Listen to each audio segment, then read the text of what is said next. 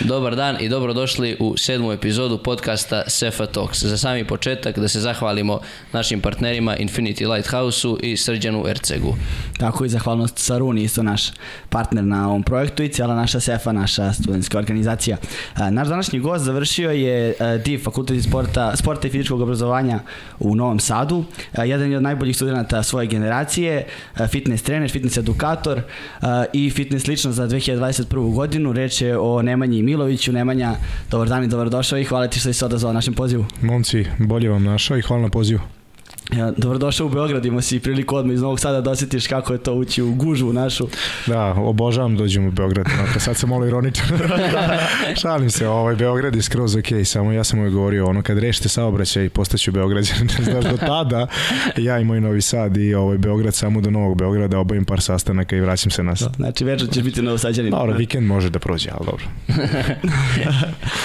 Oj, uh, za početak ja hoću te pitam, čuo sam da si kao mali voleo košarku, je to, je to prvi put sport koji si ti bavio, je to tvoj neki prvi kontakt sa sportom? Da, to je moja prva ljubav. To je nije samo sport, nego je to je bila ljubav onako od 8. do 21. godine. Mm -hmm. ovaj, velika strast i ono što baš snimam sad neki video gde hoću da kažem mladim ljudima da ovaj ti prvi snovi u 99% slučajeva puknu i ne uspu, ne uspeju, znaš. I ovaj, tu dosta ljudi padne posle te neke sportske karijere, što smo mi uložili 13 godina ulagajući u nešto i sad ti neko kaže, e, kreće život čoveče, 21. godine, završio si fakultet, gde su pare? Moraš živiš od nečega, moraš se hraniš. Naš roditelj isto traže, pa ti postavljaju uslove. Meni Keva doslovno rekla, rekao, vidi, imaš dva meseca, ili ćeš na ulicu, ili ćeš da počneš da radiš, da privređuješ, znaš. Takva je situacija bila i tu sam negde ovaj, napustio, to je taj moj prvi san i sva sreća da sam ovaj, nastavio da sanjam. Mm. Imao sam onda ovaj put me odveo u fitness, obožavao sam treniram i to se spontano skroz desilo zato što ja generalno kad sam gledao košarku, gledao sam oni, e, to su bile emisije kako igrači žive, treniraju, kako se hrane, kako, kao i mhm. suplementaciju imaju, šta rade, sve u, u off season, u van sezonu se poboljšaju. I to su, ja sam pokupio toliko tih alata na vežbi, treninga, filozofije treninga, od NFL igrača, NBA igrača, MMA boraca, sve sam živo pogledao na YouTube što, što je moglo da se pogleda. I već kad sam počinio da radim taj posao, vidio sam da ja imam jednu, jedan dobar temelj da znam da postavim trening, da je taj trening malo drugačiji, da ima smisla, da je koncept neki, neki tu i od tada se sve nadograđivalo uz edukaciju koja evo sada traje već 12 godina. Tako da, ovaj, eto, posle ono, neuspele karijere kao košarkaš, nije bilo neuspela, bila je super, ali ovaj, mnogo sam se više našao u ovom nekom fitness svetu i pogotovo sam se onda još više našao u edukaciji. Tako da to su bili neki moji pravci, ovaj, kako je tekao moj put i evo zadnjih 7 godina predajem uh, na dva kursa, jedan je NASM, National Association of Sport Medicine, to je američki kurs, jedan od najpriznatijih na svetu, ako ne i najpriznatiji. I ovaj, na tom kursu sam profesor, na, uh, takođe sam profesor na kursu za nutricioniste, to jest za, mi to govorimo, savjetnike za pravilnu ishranu suplementaciju. To organizuje Health and Fitness sistem, organizacija organizacija i takođe sam za personalne trenere u istoj toj organizaciji. Profesor već 7 godina sertifikujemo trenere kojima treba sertifikat, kojima treba znanje. Mnogo mi je studenta prošlo na kursu za ovih 7 godina, predajem u Podgorici, Beogradu i Novom Sadu. I mnogo sam zahvalno što sam i sa ove strane gde prenosim neku informaciju, gde će neko imati nešto od toga, da, jer je ovo prelepa karijera, ovo je karijera koja se bavi ljudima, homo sapiensima, pomažemo im u svakodnevnim životima, ovo je naj, najbolja profesija ikada, mi smo preventiva ili štit o, pre nego što odeš kod doktora, pre nego što budeš gojazan, pre nego što zapadneš u neku hroničnu inflamaciju, pre nego što počne nešto te boli, tu je trening, ishrana, suplementacija, san, navike i tako dalje i tako dalje. Znači, možda da se kaže na kraju da si izabrao karijeru koja je bolja od karijere profesionalnog košarkaša? Apsolutno da. Apsolutno da i to je i dobra poenta da vide mladi ljudi da, da ovaj ok je to prva ljubav ali ne, nekako nikad ne uspe ta prva ljubav u čemu god da se radi ovaj, ali je svakako najveća škola da. najveća je škola da. i, I dobra ovaj, osnova za sve kasnije dobra osnova na, sport je naučite disciplini naučite uh, da budeš deo kolektiva to da nisi da. sebičan igrač asistencija vredi dva, znači uveselio si, da? playmaker, uveselio si dva čoveka i sebe i, i tog što sam mu dodao što je ono zakucao ili ne znam nije šta. Tako da učite mnogo stvari, sad mogu da nabrem ono do sutra, ali iz sporta sam poneo dosta, dosta stvari. Jesam puno energije uložio to, možda sam mogu u nešto drugo, da naučim još tri instrumenta, dva jezika, da sviram i završim još jedan fakultet, ali to se nije desilo. Život je dug i ta edukacija neko večno traje, mislim da ovo sad što sve što sam rekao i sa ta dva instrumenta i jezika i fakultet da će to i tekako ovaj, da zaživi u nekim 30. 40. 50. godinama da će to sve da postignem. Tako da ta edukacija traje student ste ceo život. Morate konstantno da učite o jednoj stvari koja zove život. Da. To je Seneca ono. Samo se profesori mijenjaju, jel tako? Samo se profesori menjaju, buku mentori. Mentori, ti, profesor ti postane neki mentor koji je uspeo u nečemu, koji je prošao ceo taj put koji ti hoćeš da budeš deo. Tako da ovaj savetujem sve da ulažu u, u mentore, da ulažu u edukaciju, jer će im to skratiti put do nekog uspeha ili do neke realizacije ideje za mnogo. Tako da ne štedite tu, uložite, pametno uložite, nađite ljude koji nisu samo dobri marketari u smislu da dobro prodaju svoju uslugu, već da su prošli sami taj put o kome pričaju. Mm. Znači, to je najbitnije u izboru mentora. Da, ima Post- da, ali izvini što te prekinem. Te sam kažem da ima dosta njih koji pričaju tako o tim nekim stvarima, a nisu zapravo prošli. To što možda bude veoma opasno za neke ljude koji ih slušaju, koji im, da kažem, veruju te njihove priče, jer umeju baš dobro da prodaju Kako svoje ne? priče. Ljudi moraju da znaju da ti e, što prodaju priču edukacije, da žive od toga. I oni moraju jako dobro da prodaju. I jako dobro žive ako je dobro to. prodaju. E sad, to je skroz ok. Ja sam za to da i dobro prodaješ, ali da si i uradio ceo put. Tako da te, te dve stvari se ne zaustavljive. Samo hoću da osvestim ljude koji traže mentora i tako dalje, je da uvek provere tog čoveka kog su unajmili ili taj kurs ili tako dalje. Znači ko su ti ljudi, šta su prošli, da li su postigli neki uspeh pre ne nego što su počeli da edukuju. Da. To. Tako da, znaš, to je jako bitno. Zato i postoji upravo, ja mislim, toliko mnogo predrasuda kod nas ovaj, vezano za ljude koje drže edukacije, kurseve i slično i nazivaju ih vrlo često i prodavačima magle i da. upravo zbog tih nekih ljudi koji zapravo stvarno prodaju tu maglu zato što nisu ništa prošli i prvi zapravo uspjeh im je to što žele da naprave od tog njihovog nekog kursa. Da, da, to ima dosta tih nekih dropshippera, marketara, mm. tradera i tako dalje koji su napravili velike pare, ali kroz edukaciju, Ne. a u samom poslu u kojoj edukuju nisu napravili ništa. Tako da ima svačega, ima jako dobrih stvari na ljudima je da naprave filter, Filter je najbitniji u 21. veku, filter za informacije, znači koliko ti ulaziš, analiziraš šta ulazi u tebe, u tvoj mozak, šta ti čuješ, šta ti izgovaraš, mnogo bitna stvar. Kad to imaš dobar filter, on ne možeš da brineš, da će neko prodati maglu, da ćeš nešto pokupiti što ne treba i tako dalje. Spomenuo si malo pre da radiš dosta sa studentima, da imaš veliki broj studenta koji ovaj, prolazi tako Uh, i sam si bio student. Uh, naša nekako kažemo ciljna grupa ovog podcasta jesu studenti i želimo da pričamo danas malo više o tome kako sport i generalno način života koji treba da ovaj, oni treba da praktikuju kako bi ostvarili što bolje rezultate na svim svojim životnim poljima. Uh, hoću da te pitam ti kad si bio student, uh, koje su te neke prepreke s kojima si ti susretao u smislu šta ti je odlačilo pažnju i kako da li ti je sport kao izduvni ventil pomagao na primjer oko učenja ili tako oko ti neki na primjer radne navike koje si stekao ovaj, trenirajući košarku posle na fakultetu i daljem obrazovanju. Da, to je bilo dosta davno. Da, kad sam ja bio student. Ali znaš šta, ovaj, eh, ja uvek kažem, zavisi koji si fakultet uh, upisao, to jest da li si potrefio interesovanje. Ljudi koji su potrefili inter, interesovanje imali jednu čudnu stvar koja se zove danas strast. Ta strast ti eh, zadržava fokus. A zadržan fokus ti je ne osetiš da učiš zato što prikupljaš znanje za sebe, ja sve što sam učio, to jest dosta toga, ja sam tad bio aktivni sportista. Mogao sam da primenim na svoje telo. Mhm. I onda sam isto, moja priča ono oko personalnog trenera je počela sa mojim kolegama iz, iz, moj, iz klupa pored mene. Oni su videli da sam se ja dosta više zainteresovan za taj deo sport, teorija sportskog treninga, fiziologija, anatomija, kineziterapija i tako dalje. I da ja to primenjujem na sebi i da mi bolje ide zbog toga u mojoj karijeri. Oni su počeli mene da angažuju da treniraju prvo sa mnom, a onda su počeli da me angažuju kao trenera. Ja sam bio trener pre nego što sam postao trener. Nisam ni znao. U svom podrumu, u svom podrumu sam napravio teretanu. To kao su- sve velike priče. kao i sve velike priče u podrumu, da vidite vi taj po- podrum bio smeh. Ali su tu dolazili ozbiljni sportisti koji sad su reprezentativci, tad su bili već u prvoj ligi, da treniraju sa mnom ili da treniraju pored mene. Tako da ovaj to je neka priča oko fakulteta. Znači ako imate ono strast, interesovanje, ne treba vam nikakav drugi savet, a ako nemate onda ono vam sto stvari odlači pažnju.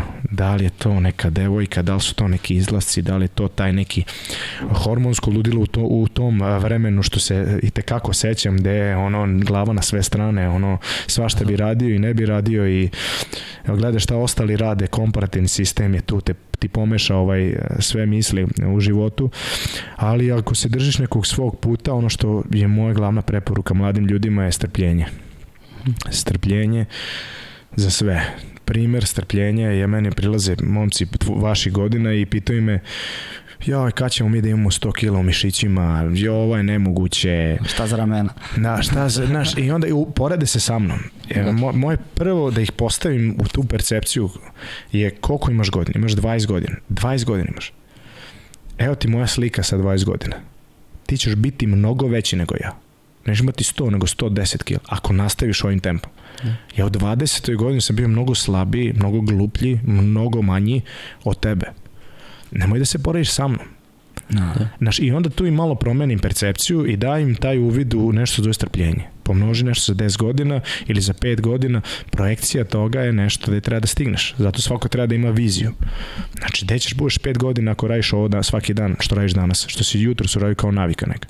Da. Tako da to je samo promena percepcije i to je moj predlog. Da, to je ono što kažu da se nikad ne treba porediti tvoj prvi korak sa nečim stotim ili ne, nebitno kojim korakom, jer To je velika zamka, jer do, dosta ljudi odustaju pre nego što su nešto napravili zato što se porode s ljudima koji su 200 koraka ispred njih, koji su to pre 10 godina radili, niko nije znao za njih. Znaš. Da, to je, to je to, ta komparacija stvarno je Pa znaš šta, ono, to u moje vreme je bilo manje prisutno zato što ovaj, nisu toliko bile te društvene mreže, nije toliko bilo transparentno sve i ovaj, ljudi su upali podsvesno u taj komparativni sistem, poredimo se sa svima, konstantno nam izlaze neke informacije na, na Instagramu, na TikToku, na gde god, gde mi se porodimo sa najvećim stručnjacima iz tih oblasti, da li je to ekonomija, da li je to fitness, da li je to preduzetništvo, neće nama izaći neki osrednji i nišlijski preduzetnik, nego će nam izla, izaći Gary no. Da. Vaynerchuk. Da. Znaš, ako se mi poredimo s tim, ja idem gde sam ja, onda smo u velikom problemu. Tako da on, on prvi kaže strpljenje. Da. Samo strpljenje. Da. Eto, ba, spomenuo se društvene mreže, malo pre smo pričali o fokusu. Mm. Društvene mreže isto dosta odlače i pažnju i fokus i dosta vremena, ne dosta, nego ogrom, ogromnu količinu vremena, evo generalno mladi ovaj, bacaju na, na društvene mreže i na gledanje nekih života koji ne mora da znači uopšte da su, da su stvarno takvi uživo. Na internetu može se svašta prikaže onako kako nije.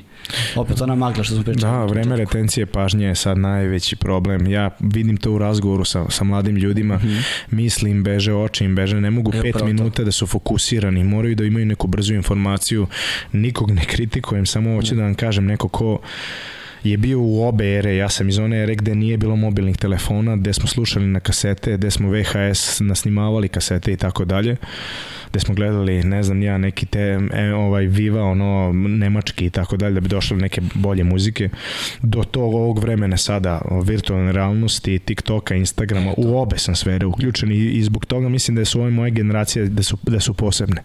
Da su posebne u čovječanstvu, zato što spajamo oba sveta, ja sam na pola. Da, to je tačno. Tako da, ovaj, super to i ono što ja primenjujem iz ove moje percepcije je to taj old school način da, da, da se fokusiraš na razgovor, da je telefon telefon okrenut ili, ili naopako ili u džepu ostaje kad pričaš s nekim. Do, da li je to zbog tvog fokusa, zbog tvog poštovanja te druge osobe, da, da. znaš, da su to neke stvari koje ovaj se vežbaju danas, jer svi imamo skraćeno vreme pažnje, gledamo u telefon i tako dalje. Znaš, moramo da vežbamo da smo ono dva sata da čitamo neku knjigu ili učimo za neki ispit i tako dalje. Za sve to postoje neki alati koje ćemo danas naravno pričamo o tome. Veliki je to problem svakako. To baš sam mi čitao neke ovaj nauč, naravno studije neke koje imaju pokriće ovaj naučno ka veliki je problem ova, novi ovaj trend eh, TikToka, Instagram, Reels i slično, jer mozak svakih 5 do 6 sekundi primi mm. novu informaciju. I onda to dovodi do toga da ja imam i drugove iz sebi bliske osobe koji mi kažu ja ne mogu više da pogledam film Da, da, o tome ti kažeš, e, baš to. Nema sat i po vremena konstantnog, ne, nema, ja moram Da. nešto da, Da, da. moram i, i bukvalno gledamo film i sjedi ovako li- lista u Instagram, TikTok uđe i provjeri, to je, Ja sam to primetio jednom i bukvalno sam bio u fazonu, a uček polako. Isto išao neki film, malo je bio sporiji i u jednom trenutku meni je samo ruka otišla prema telefonu i krenula i kad sam to uradio, skontao sam šta je moj mozak uradio. Stavio sam telefon i rekao nećeš biti jedan od tih. Rekao aj malo daj, daj šansu. Ljudima daj šansu. Umetnosti i možda se iznenadite. Neće sve biti na prvu kao na TikToku. Neće sve biti u prvih 5 sekundi. To vam garantujem u životu. Obično to što bude u 5 sekundi to ne bude baš Ne dobro. može da se binđuje napred. Ne može, ne može. Mora, mora da se da šansa, mora da se da energija, mora da se da vreme i onda ovaj onda može neki sud. Spomenuli smo vreme, a, kako, kako organizovati vreme na najbolji mogući način, evo sad za studente, ovaj, rekli smo kako, kako smanjiti to vreme koje se provodi na društvenim mrežama i telefonu i iskoristiti ga za nešto, za nešto korisno, to bilo za trening, za... Postoje nešto zove navike, jutarnje navike, večernje navike, rutine u toku dana i tako dalje. I sad je dosta reči oko toga. Ono što je ljudi koji su pobedili, koji su ono ultimativno zadovoljni, srećni u životu, postigli neku finansijsku slobodu, šta god to značilo, pomažu drugim ljudima jer su postali posebni na neki način. Kod svih je zajednička jedna stvar, a to je da imaju navike, set navika koji rade konstantno. To su male neke stvari, neke sitnice koje kad radiš x broj vremena, ne govorimo mesec dana, govorimo pet godina, ti donose rezultate indirektno. I to je onako jedan trade-off koji svaki mladi čovjek trebalo bi da shvati ako hoće bilo kakvu moć. Moć u smislu da li ćeš budeš dobar govornik, da li ćeš budeš dobar ne znam, muž jednog dana, da li ćeš budeš dobar preduzetnik. Znači moraš da radiš, da imaš neke navike koje radiš svaki dan A, za telefon, da ti odgovorim na pitanje a, šta si pitao za, za fokus Pa da, koliko, ovaj, rekli smo da se gubi fokus, na primjer, kad se uči i stigne neka notifikacija, automatski kako skrene pogled, ti Prvi alat- svoj fokus preusmeravaš. Prvi alat za učenje, znači odredite 90 minuta. Naš mozak a, funkcioniše kroz neke ritmove. To je zove biološki sat. Imamo cirkadijalni ritam koji traje 24 sata i to on ide sa svitanjem sunca, to je sa, sa izlaskom sunca do, sa, do zalaska sunca. Znači to je cirkadijalni ritam. Mi imamo druge ritove koji su ultradijanski ritmovi koji su po 90 minuta. U 90 minuta nama se desi neki ciklus koji mi imamo uski fokus. Ono što je prvi alat za dobro učenje, za bolje pospešivanje učenja je sklonite telefon navite 90 minuta i posle 90 minuta ga uzmite. Bićete u uskom fokusu. Ako pričamo i o još alata, pomoglo bi vam da, da 5 do 10 minuta, evo sad malo neki ono trikovi iz neurologije, slušate a, frekvenciju od 30 Hz, brain wave frequency 30 Hz, pustite to 5 do 10 minuta pre nego što učite i možete na početku učenja.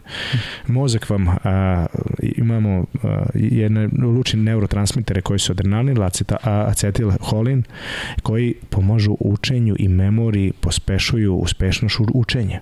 Tako da to je drugi alat. E, treći alat, probajte da, da pustite belu buku. E, to, to je, imate white noise White na, noise, na da, da. YouTube-u i to je jako dobra stvar za koncentraciju, za držanje fokusa, dok učite da vam ide nešto u pozadini to dosta ljudi ovaj već praktikuje i to je dobro. Ne treba vam mobilni telefon kao što smo rekli i probate 90 minuta interval da držite. Da. Znači to je neki ono maksimum za uski fokus, trenirajte to, znam da je teško, ali posle 90 minuta obavezno ustanite sa te stolice i sednete na položaje, malo promenite položaj i pošto smo bili u uskom fokusu, probajte da raširite percepciju, da gledate perifernim vidom. To će vam najbolje obnoviti mozak, najbolje ćete se odmoriti da imate drugi interval od 90 minuta. To je ono kad gledaš dve tačke udaljene ovaj, od, od dva kaže prsta. Znači ne gledam usko, nego gledam ono perifernim vidom, što Da. mi u košarci kažemo ima Da, dobar da, periferni vid i tako dalje. E, tako najbolje odmaramo mozak. Znači dva minuta perifernog vida i vi ste već obnovili to četvrti ili peti alat, ne znam gde sam već za bolje učenje, je odmah posle toga da imate nešto što vam izaziva porast adrenalina. Dokazano je da je to povezano sa, sa, sa memorijom u smislu hipokampus e, skladišti u dugoročna sećanja, to što smo upravo učili, ako imamo neki adrenalin iza toga. Znači, adrenalin je, znate ono kad ste bili mali pa padnete, slomite nešto ili, ili ono nešto se povredite, no. tu situaciju ste upamtili ceo život, je li tako? tako? Tako. Adrenalin je o, o, ozbiljan bio posle toga.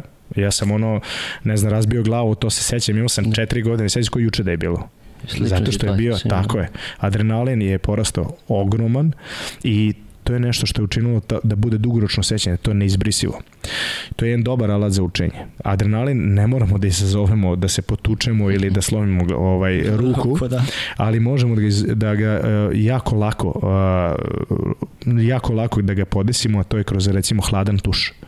Hladan tuš, odmah posle učenja, znači onako neprijatno hladan, 2 do 3 minuta, im ima mnogo benefita to tuširanje hladnom vodom kao rutina, ali evo, posle učenja hladan tuš, adrenalin poraste, takođe može neka sauna, takođe može trening, na treningu isto vežbe snage, adrenalin poraste, tako da će to poboljšati učenje, verovali ne. Znači poboljšat će retenciju memorije.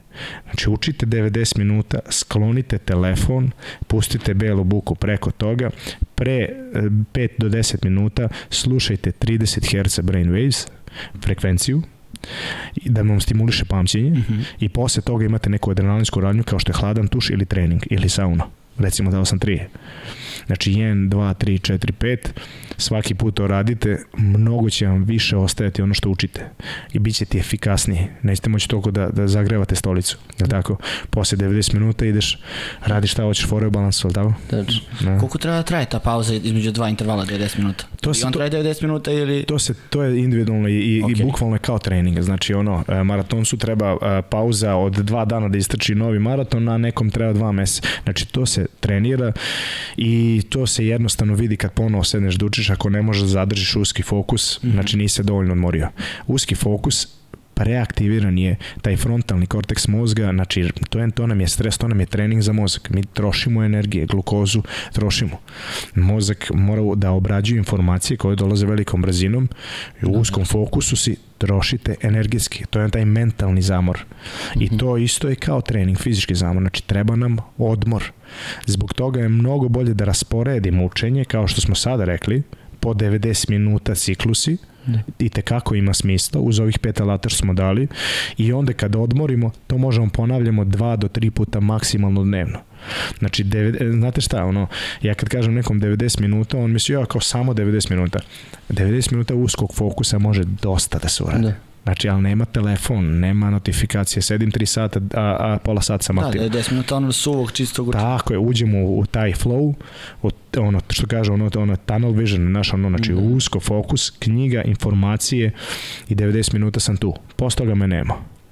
Ja bih rekao da je to najviše možda problem kod nas generalno što ljudi te smatraju to nekim malim stvarima. Ja zapravo mislim da, to, da su to male, a velike stvari. Velike u smislu da je to mnogo značajno, a male jer ljudi su kao pa nemam vremena za to da sad to su gluposti šta mi znači i to ne, ne, ne posvećuju dovoljno tim nekim da kažem sitnim stvarima koje zlata vrijede u smislu toga pro, načini učenja, vrijeme pauza, uh, tim nekim ne, moždanim stvarima koje, koje Jeste, da. utiču da. na sve to.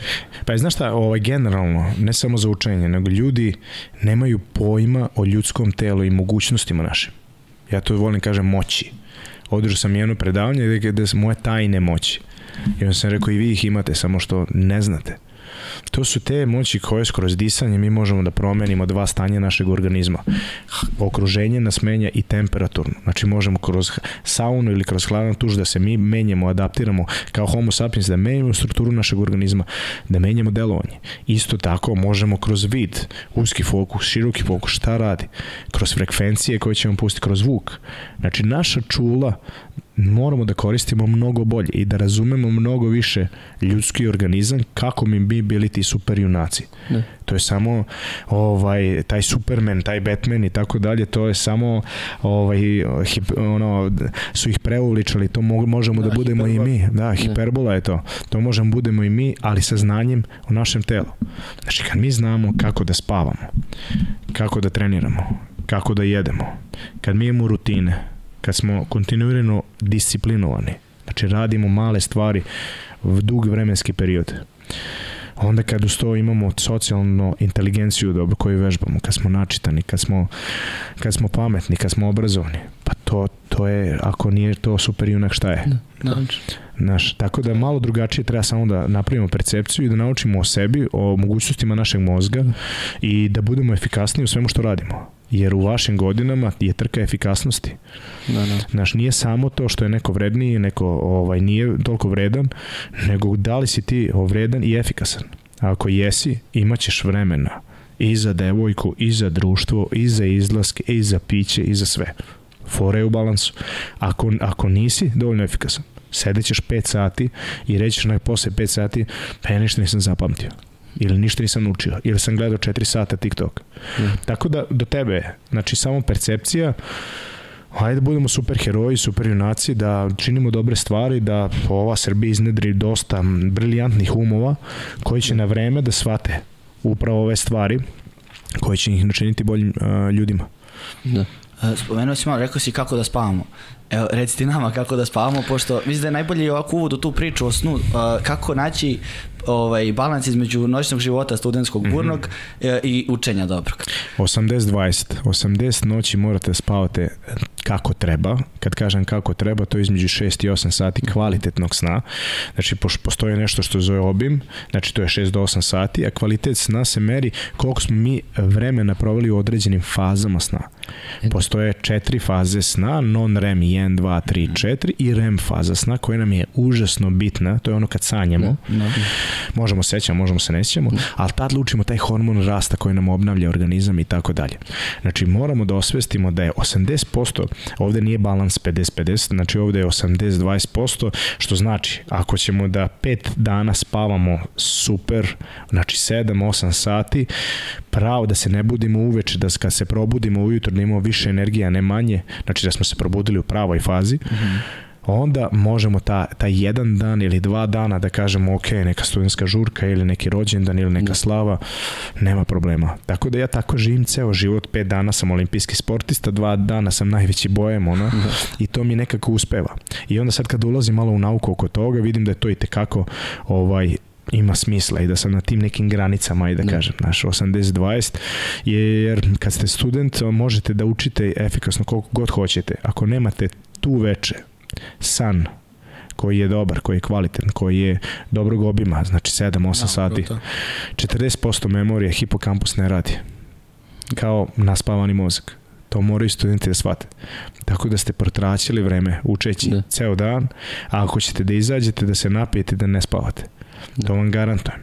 Tako da barem tim danima, kad imate nešto važno da učite, gledajte jer se sva, sva memorija se u stvari stvara dok spavamo tad naš mozak radi milion i jednu funkciju, nije ni čudo što jednu trećinu života provodimo u snu, I eto, to je još jedan alat, znači kada imamo onih sve da uradimo dobro, tu noć jako je važno da spavamo da bi nam to ušlo u memoriju. Da. To, to je nevjerovatna nauka oko toga. San, ja sam se živo upljivo da, da, da, da kažem ljudima koliko je bitno, koliko treba da bude na prvom mestu zbog dugovečnosti, zbog hormonskog balansa, zbog pamćenja, zbog kognitivnih funkcija, zbog fizičkih uh, atributa, na šta hoćemo mršavimo, da dobijemo mišljenu masu, spavaj bolje kakve to iz uf, ne da ima veze, nego neverovatno. Da, Ako ti to, to fali, znači, fali, znači ne, ne treba ti suplement, ne treba ti šta god, znači spavaj prvo bolje, ako kad bude to, vidjet ćeš koji su benefiti, ako treba još nešto, e onda ćemo da premenjamo. Da. Tako da, jako velika nauka oko sna, jako je pocenjen i ja ću i dalje pričati o tome koliko je važno i mislim da je jako važno u vašim godinama to da, da shvatimo. Jer ovaj, ono, spavaću kad umrem i to mislim da je to neka priča koja ne pije nikako vodu i sad mi je jako drago što se dosta tih uspešnih ljudi na tim društvenim mrežama, što se javlja Elon Musk prvi koji kaže ja bez 6 sati sna ne funkcionišem. Da. I to mi je prioritet. Tako da isto to ponavlja Jeff Bezos.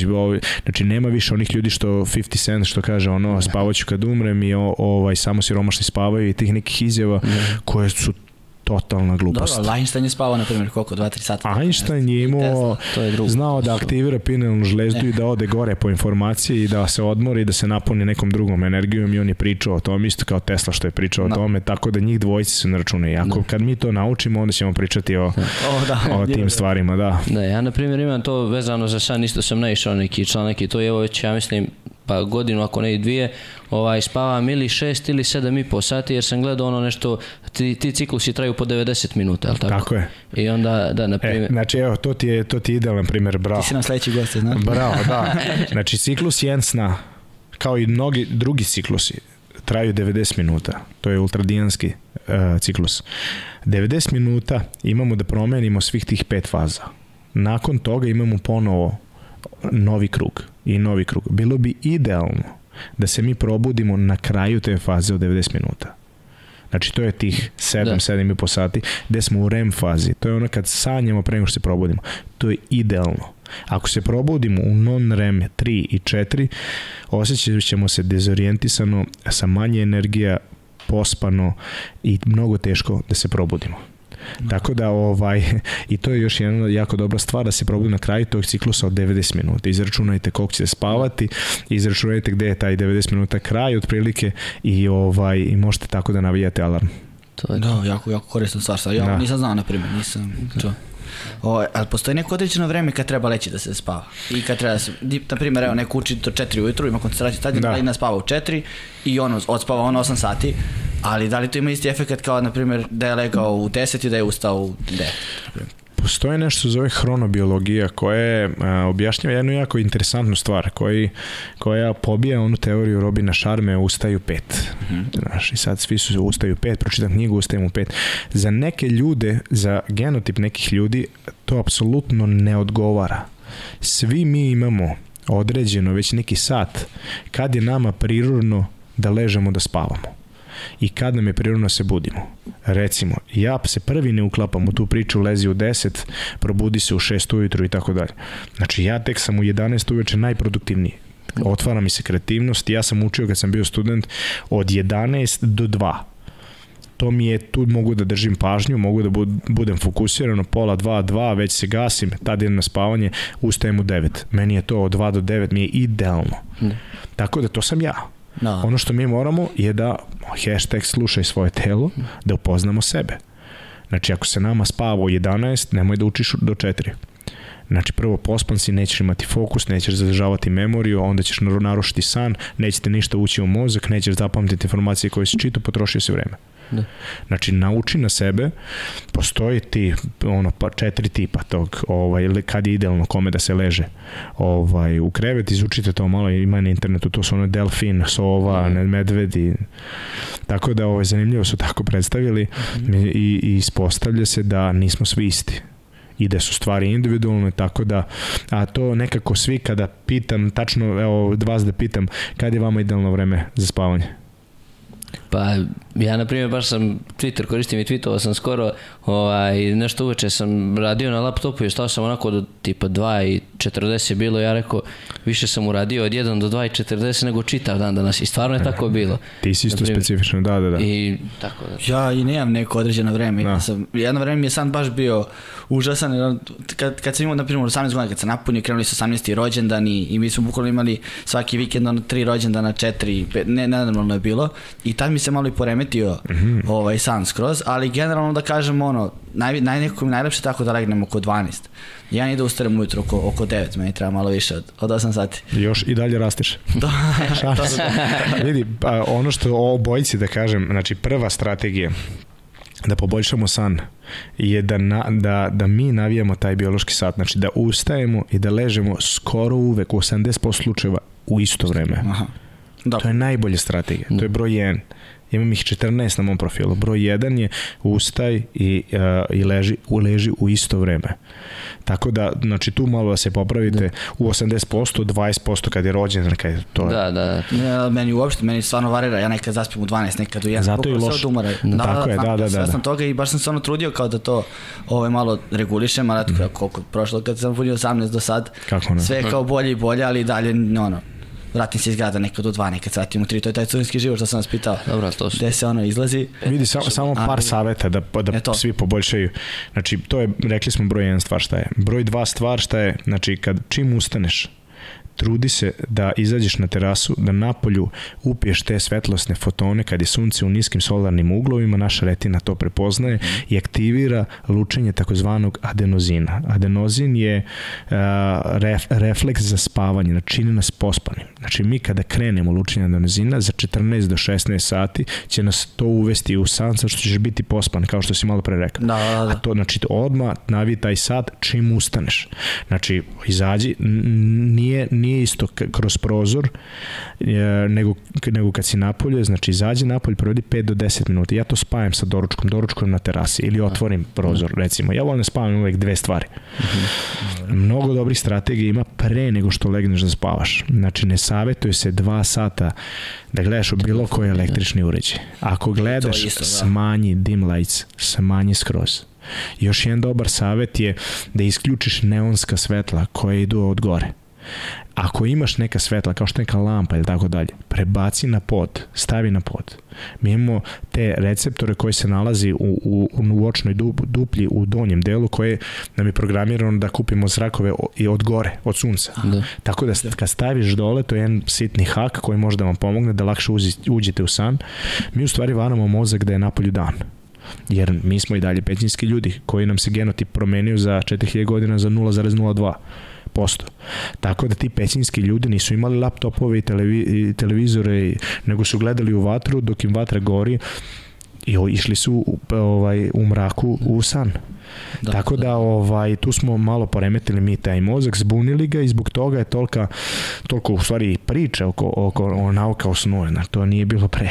Pre je bilo mesec čim zađe sunce ideš spavaš. Ali to je da tim ovaj, povećanim stepenom tehnologije i svih tih ono, medija i svega oko nas, samim tim i došlo te nauke o snu. Zato treba i znati ove alate kako bi ti u 21. veku i da dalje bio taj super junak koji će s tim snom da duže živi, da bude fokusiraniji, da bude pametniji od ostalih, da bude jači od ostalih, da bude zdraviji generalno.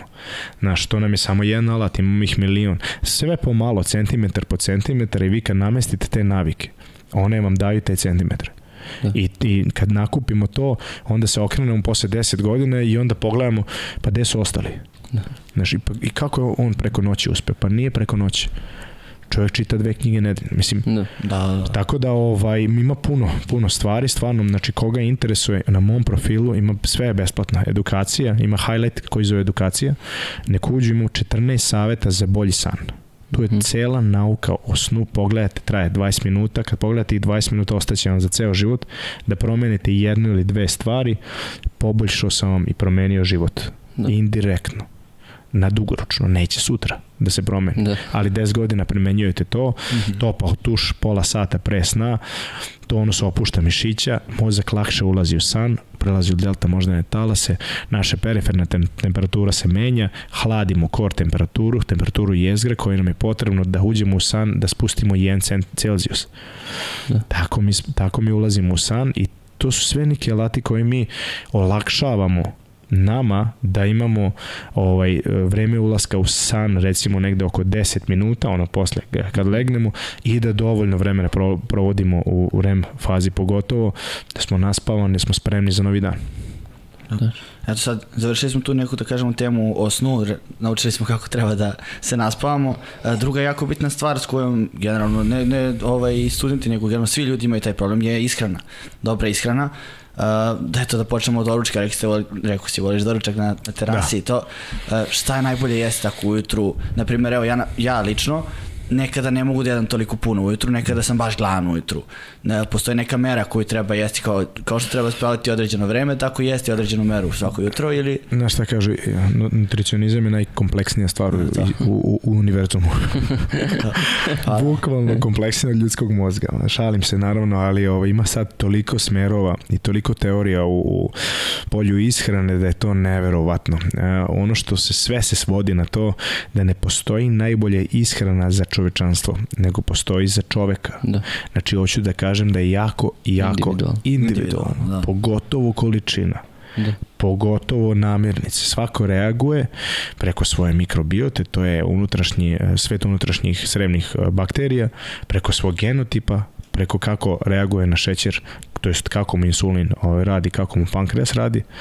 I broj četiri, opet neke navike, kako smo mi navikli da jedemo. Znači ima taj sociološki moment i kulturni moment iz ko smo podneblje i tako dalje. To sve utiče na da li ćeš ti imati dobar izbor namirnice, da li će to biti dovoljno količinski za tebe i tako dalje. Kad pričam o mom doručku, ja mu kažem šta ja radim. Moj doručak imam dve varijante, znači imam varijantu bez ugljenih hidrata, znači kad nemam trening u sledeće 3 sata ili sa ugljenih hidratima, recimo kad imam trening o, sledeće 3 sata. Bez ugljenih hidrata doručak mi je 4 ili 5 jaja, u, skoro uvek i ku, kuvana jaja, znači izbegavam suncukreto ovaj, ulje, znači biljne ulje izbegavam, proinflamatorno su haos, on puni omega 6, izbegavajte biljno ulje. Uh, znači način pripreme hrane je tekako važan. Znači sa, sa na masti na primjer. Na svinskoj masti pripremam da. i to jako malo, pored toga ili premažem slaninom, pošto mi je da. to sledeće, znači tu su zasićene masti, ne bežite od masti. 1 gram masti po kilogramu telesne kilaža vam treba da bi bili hormonski zdravi. Uh mhm. -huh. Masti nisu neprijatelji. Neprijatelj je količina. To naravno. Obim, znači koliko mi kalorija nosimo dnevno.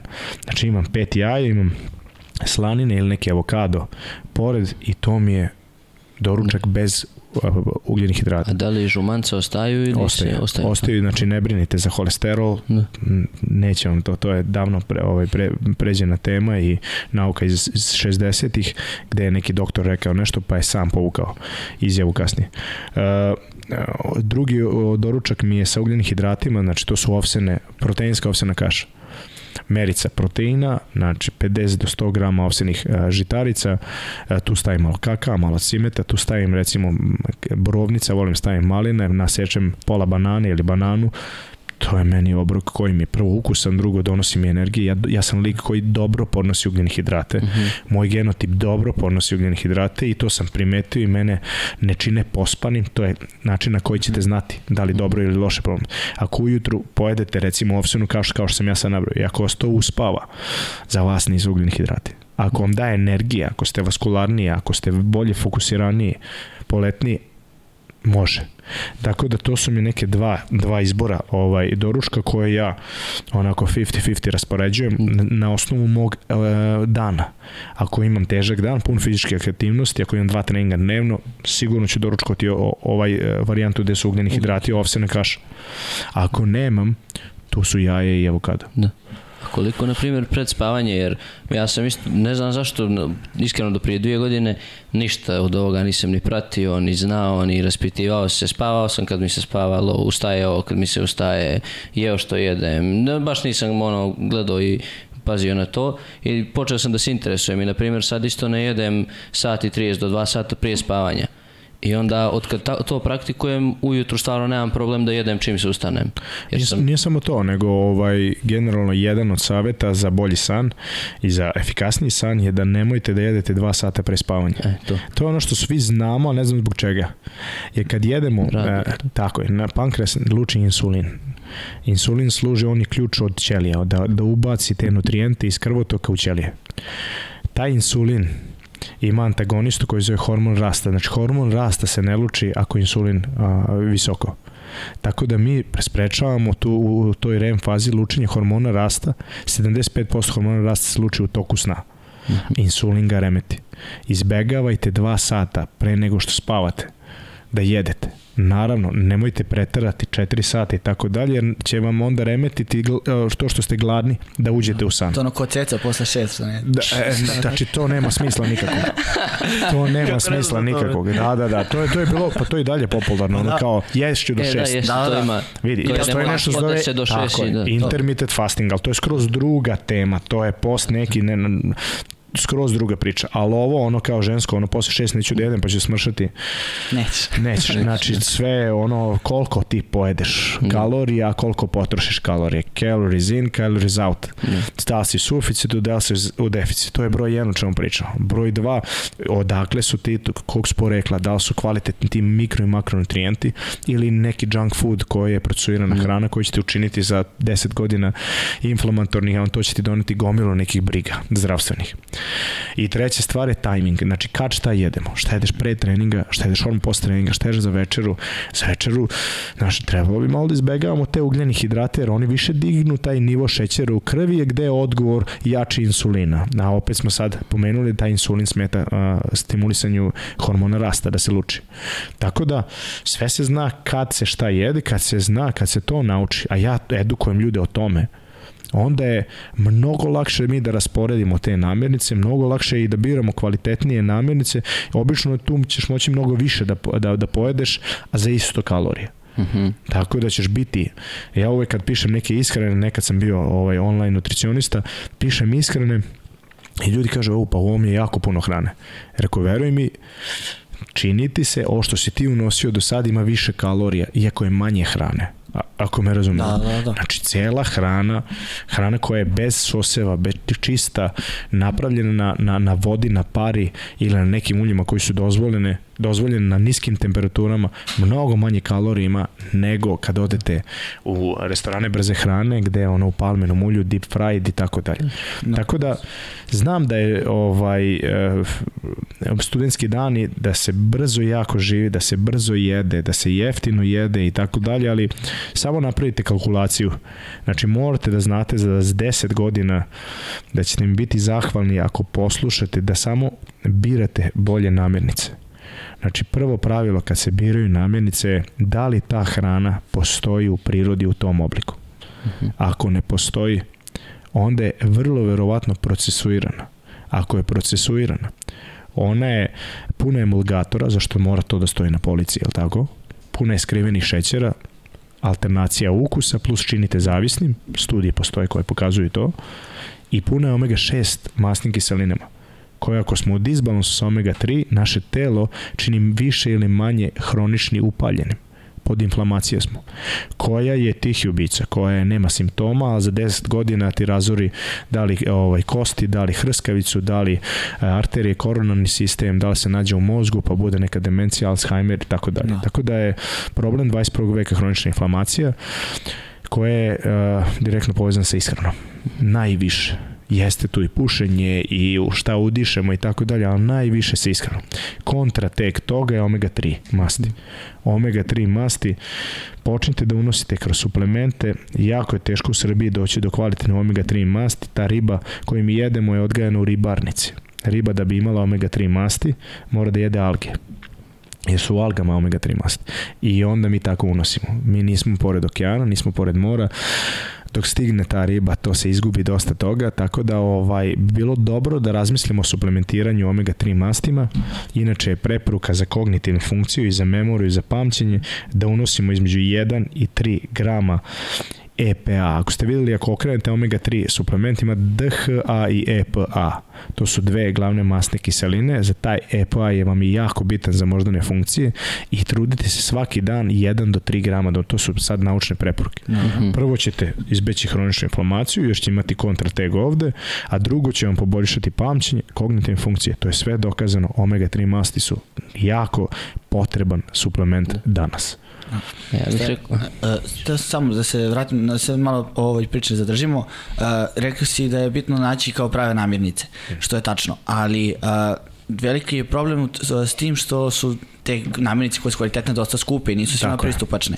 E, kako taj neki prosečan budžet, ne, ne mora studentski, ali ja generalno ne znam ni da li ljudi ako žive bolje od studenta u našoj zemlji, kako ukombinovati to, jer ja sam gledao te neke iskrene kad sam teo da se o, da počne da se hrani zdravo, to je uglavnom, ne znam, ručak je losos, večera je salata sa škampima i te, te neke stvari gde to stvarno jeste zdravo sve, no. ali kako na neki jeftiniji način se hraniti opet zdravo. Isto kao da su... Jako dobro pitanje. Vidi, uh, jaja su jeftine. Dobro Dobro. najbolji izvor proteina, broj 1. Znači samo, samo uh, protein od surutke naš organizam bolje utilizuje nego jaja. Jaja su na prvom mestu. Imaju jako dobar sklop aminokseline koji naš ljudski organizam jako dobro prepoznaje i absorbuje. Broj 2. Povrće je jeftino, ali tako? Povrće je puno polifenole, puno vlakana, puno mikronutrijenata, vitamine i minerala ok, ajde imamo priču prskano vamo i tamo, ali ako biramo malo bolje, ako dobro očistimo da, i to je sve super. Voće takođe je jeftino, ali tako? Jabuka, Jeste. banana, da. isto. A vlakna, polifenoli, antioksidansi, hranljivim mikronutrijentima. Ono što je skupo je protein. Da će biti piletina, čuretina, govedina, riba. Moramo da unosimo proteina 2 grama po kilogramu da bi se održavali mišićnu masu i da bi napredovali. Znači to je za mene ako imamo recimo zaokružimo 100 kila, 200 grama proteina. Šta to znači? U 100 grama piletine imao između 22 i 24 grama proteina. Znači moram da pojedem to. Imam već dve merice recimo whey proteina koje unosim kroz suplementaciju, to mi je mm. nekih 50 grama već proteina Znači ja sam već na, na četvrtini.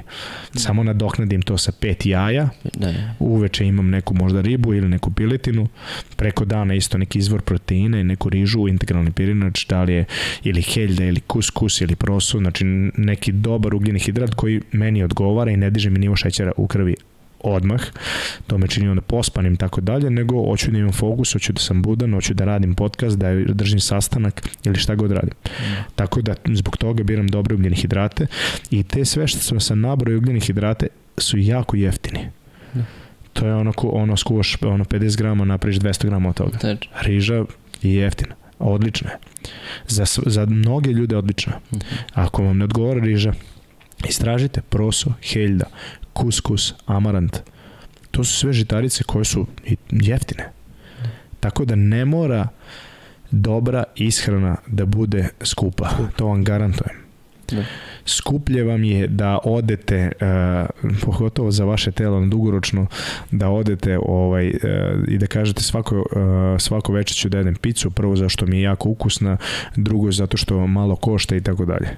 No, testenina da, i sir za umorne neurone. Testenina, sir i, i hleb da. i to je onako kombinacija ovaj, par excellence, pogotovo za večeru, koja će za pet godine kad se malo uspori metabolizam, znam da ste sada ovaj, ono, možete da jedete šta god hoćete, ali za pet godina ćete jesti isto što jedete sada, a to će vas mnogo više gojiti. Mm -hmm to je to biološko usporavanje da. metabolizma ili ako postanete sanitarni, a u studentskim danima ste bili malo aktivniji, odmah je, on me 5 kila gola, šta se desilo?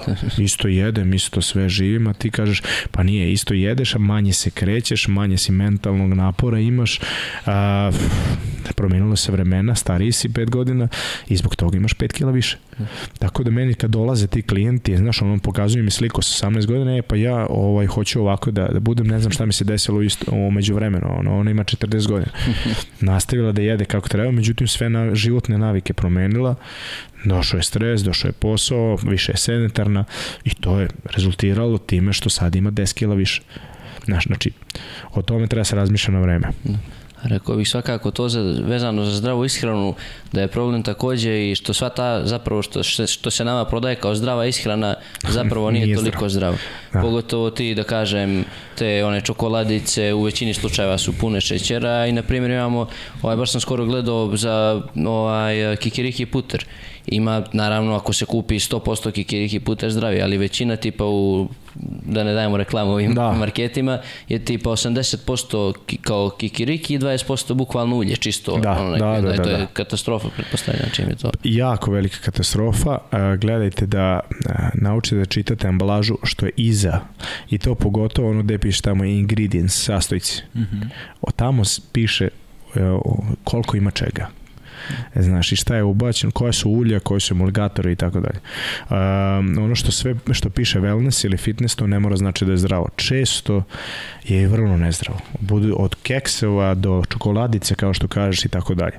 Ti ljudi moraju da misle o biznisu, biznis je ukus. Biznis je koliko vreme, koliko traje na polici.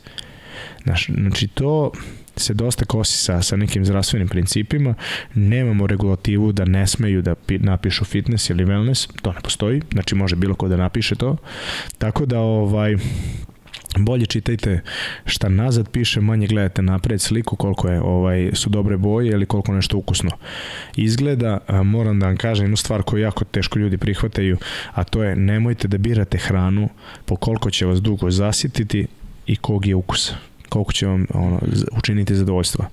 Te dve stvari, ako tako gledate hranu, će vas učiniti bolesnim, gde ćete morati gomilu para da dajete da se vratite u probobitni položaj ako budete sretni jer od toga povratne, povratka nema.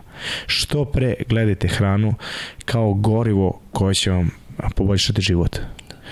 ako nađete hranu koja je kao gorivo i ako vam je ukusna, a verujte mi, navićete. Ja kad jedem ovo moju ovsenu kašu i kad jedem ovo jaja, ja sam najsretniji čovjek na svetu. Ja to volim. Stvarno mi je to, ja ne vidim ko ne voli jaja, avokado, malo slanine ili ovsena kaša, malo borovnica, malina, protein. Protein mu daje ukusa ono.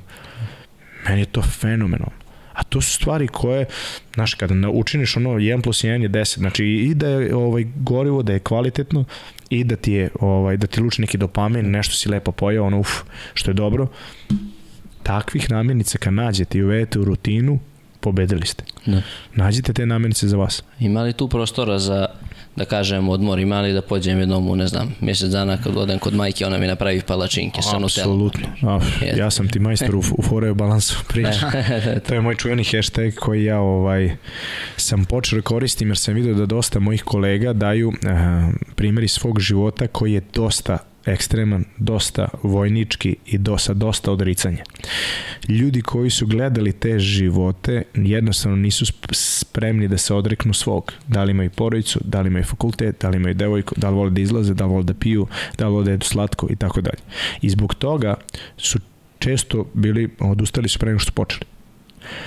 ja sam bio u fazonu, ajde da, pošto ja nisam takav, ja sam što, kao što sam rekao, znači 5 dana olimpijski sportista, 2 dana najveći bojem, hajde da mi ja prikažem svoj život, da vide ako im to odgovara mnogo više, jer taj ekstrem nije dugoročan. Niko ne može u tom režimu da provede ceo život. Mogu ljudi koji se bave time, koji žive od toga. Ali ovi ljudi koji su rekreativci, koji hoće malo bolje da izgledaju, malo više zdravlja, da imaju malo bolje da se osjećaju, oni baš i ne moraju toliko ekstremni da budu u tome ono, ustaju pet ujutru, pa prvo, ne znam, ja trening tu hladnom vodom. Naravno, znači ono što kažemo, 80% stvari radi dobro, 20% birajte šta god hoćete. Vaš organizam može to da obradi, ako mu dajete s druge strane dobrih stvari i tako dalje, bit će vam dobro za glavu kome treba, ja slatkiša obožavam, ja bi živio na slatkom. I ja sebi priuštim jednom dnevno ili četiri puta nedeljno da pojedem nešto, neki slatkiš koji je meni omiljen. Da. Ali to je obično posle treninga, jer je ta caka da naš organizam je istrošio glikogen iz jetre, iz mišića i da mu sad treba neki šećer i insulin da se digne, to je isto u isto vreme najanabolički hormon koji nam pospešuje hipertrofiju i mišićnom rastu, e pa tad krljam slatko. Zato što znam da mi neće toliko ići u masti, pomoći mi hipertrofiji, napunit će mi glikogen, bit ću spremniji za sledeći trening. Tako da ako hoćete da jedete slatko, jedete odmah posle treninga. Uh mhm. -huh. Nemojte okay. masno toliko jer to usporava apsorpciju i smanjuje insulin, nego baš ono šećerno, slatko. Da, da. Tako da ovaj, znam tih nekih trikova oko tela i zbog toga mi je lakše, zbog toga mogu da. i da živim ono kao i svi ostali ništa od sebe da ne oduzim. Ja sam stvarno čovjek koji malo se, malo ima restrikcija. Večeras da me neko zove u izlazak, ja bi izašao večeras. Da Mislim, da, razumeš šta hoću da kažem? Možemo nije, to da nije... odradimo. Nije. A da, pa imam nešto već. da, da. ovaj, tako da, ali opet, Znači, znam, ok, večera sam izašao, dobro, sledeći tri dana ću da kompenzujem. Kako kompenzujem? Trening, buđenje u isto vreme, dobra, dobra hrana, radim milion nekih navika i protokola, što mene čine sretnim, ne opterećuju me, čine me boljim čovjekom, čine me super junakom u mojim očima. Da. Tako da ovaj, dok je tako, tu taj imam balans i sve može. Uh, je li istina? To sam sa drugarom, jednim mojim bliskim. Idemo zajedno u teretanu i tako imamo te teme ovaj, zdravom životu, zdravo ishrani. Uh, on je negde čuo, ja se ne, nisam toliko složio sa njima, ali što više duže slušam tvoju priču, vidim da je on ipak bio u pravu. Uh, da treba donositi sit odluke o tome šta ćemo jesti posle, kasnije, uveče. U smislu da ako ishitreno kad smo gladni, donesem mm odluku kao šta ću da jedem, ješću nešto što mi je najbliže, otići ću u pekaru, otići ću neku brzu hranu, a kad sam sit, kao e večeras bi mogao da pravim. Ne to i tekako ima smisla i sa neurološke da. strane, jer naš mozak kad je gladan, e, dolazi signal od grelina, to je jedan hormon koji nam govori da smo gladni, e, on traži jako brze solucije. Najbrža solucija mu je šećer šećer i masti. Mm -hmm. Daj mi toga u krvotoku i odmah ću ti ugasiti signal koji se zove glad. I onda mi smo fokusirani da pojedemo nešto što će nas što brže, i to je jako loš izbor. Tako da ta teorija, sit donositi odluke šta ćeš da jedeš, planirati obroke, je pola posla. Vi ujutro, ako spremite obroke, ako vidite, gledate fitness ove likove što ujutro imaju sve spremljene obroke, To je zbog toga da im taj mozak ne bi tražio neke slatkiše i neke prepreke, to je prečice, da, da, se, da se zadovolji da utoli tu glad. Da. Znači, kad smo gladni, već je kasno, što, što kažu. Nemojte da čekate glad, nego imajte rutinu u hranjenju. Znači, kad ustanete, ako vam odgovara posle pola sata doručak, to radite svaki dan. Ručak svaki dan radite u sat vremena. Večera 2-3 sata pred spavanje. Sad smo malo pre pričali. Znači, već sam rasporedio tri obroka koji ćete da. vi raditi svaki dan u isto vreme. To, to pravite ili unapred ili znajete šta ćete napraviti. Imajte neku rutinu. Tako da tu možemo mnogo toga da, da izbegnemo samo poznavajući mozak kako funkcioniše, kao što si sad čuo. Ti kako ima smisla. Da, ali treba, postoji kao ta tri osnovna otporka, treba imati toku dana i dve užine, to je neko onako kao optimalno. To je dosta individualno, da, to možeš da onako vidi da li ćeš imati tri ili pet, e, sve jedno je za neke ciljeve, ono što je bitno je šta ćeš ti uneti u tih tri i pet. Eto. Ja volim više obroka zato što naše telo, ono, rastarećujem se digestivni trakt da ne unesem 2000 kalorija odjednom, nego to volim da isepkam na svaka 4-5 sati da bi bolje iskoristio tu hranu, a opet da da ne diram toliko taj porast nivoa šećera u krevi da konstantno da. ovaj, ne diram pankreas. Tako da treba naći nešto što nam odgovara, to je da li četiri ili pet obroka, ali pokazalo se da je pet obroka nekih, recimo te što ti rekao, dve užine, mm tri glavna obroka, da je to najbolji način i tako ja da. radim. Da, meni to, ja znam kad sam više, naprijed, pošto sam ja isto košarku trenirao dugo i kad god na pripreme, meni tad, tad sam najlepše jeo doručak, ručak večera i dve užine između toga, meni je to baš bilo onako... I sve u isto vreme i sve da, raspoređeno. Da, da, zna, znači, uvijek tako. doručak, trening,